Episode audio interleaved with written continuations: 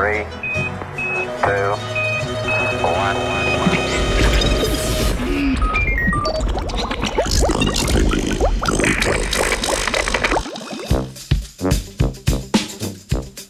Kaj pa če pride, bežimo.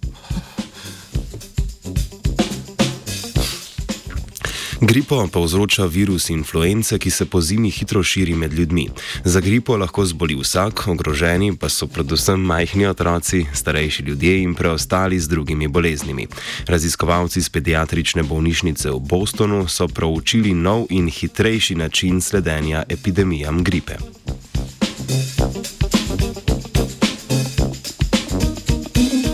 Virus influence se prenaša kapljično, torej ob kihanju, kašljanju in govorjenju. Hitro se širi v zaprtih in javnih prostorih, kot so šole, vrtci in bolnišnice. Virus lahko iz okuženih predmetov v usta ali nos prenesemo tudi s prsti.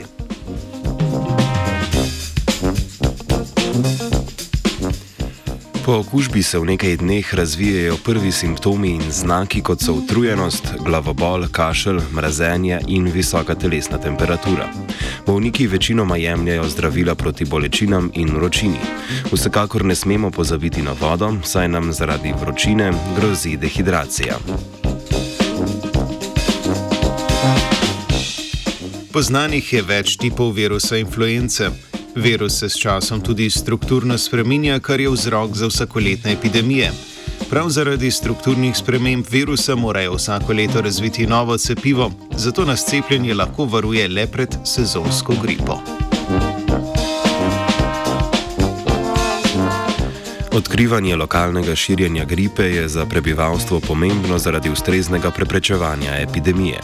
Ameriški znanstveniki so začeli razvijati nove tehnike napovedovanja širitve gripe s pomočjo umetne inteligence.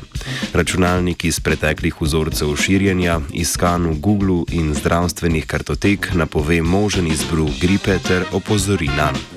Poleg tega predvidi tudi pojav gripe v krajih blizu epidemičnih območij. Modeli bodo zaradi vedno več podatkov, ki so na voljo, z leti postali še natančnejši.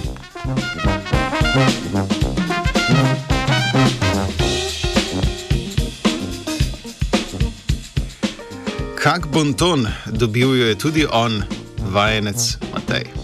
Zdravje, vajenec Matej.